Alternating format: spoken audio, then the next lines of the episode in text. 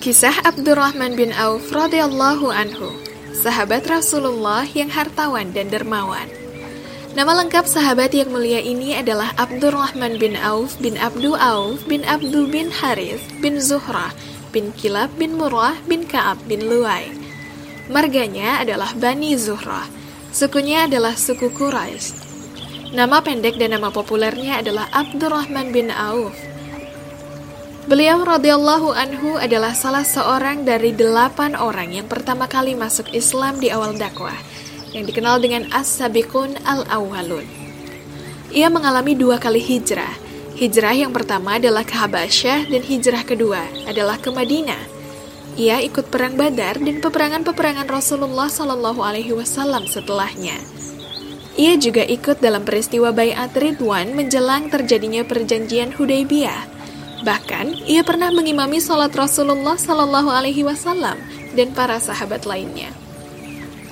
Ia salah seorang dari sepuluh sahabat Rasulullah yang juga diberi kabar gembira dengan surga oleh Rasulullah Sallallahu Alaihi Wasallam, atau disebut dengan Al-Mubasharun Bil Jannah.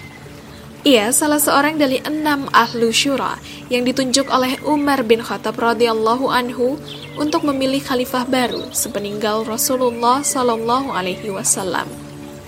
Sewaktu Abdurrahman bin Auf radhiyallahu anhu berhijrah dengan kaum muhajirin ke Madinah, ia bercerita, Rasulullah Shallallahu alaihi wasallam telah mempersaudarakan aku dengan Sa'ad bin Arabi.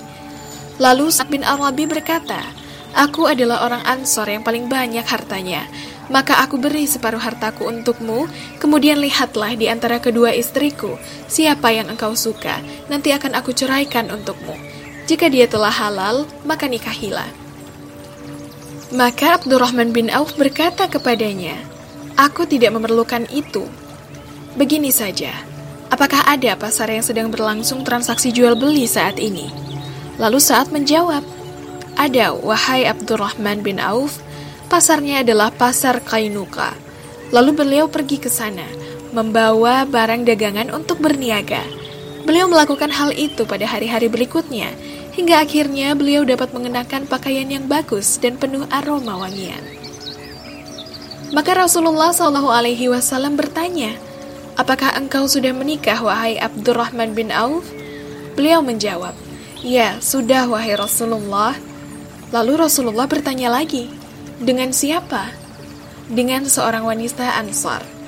Dengan mahar apa engkau melakukan akad nikah? Dengan perhiasan sebiji emas ya Rasulullah. Lalu Nabi Shallallahu Alaihi Wasallam bersabda, adakanlah walimahan walau hanya dengan seekor kambing. Hadis riwayat Bukhari.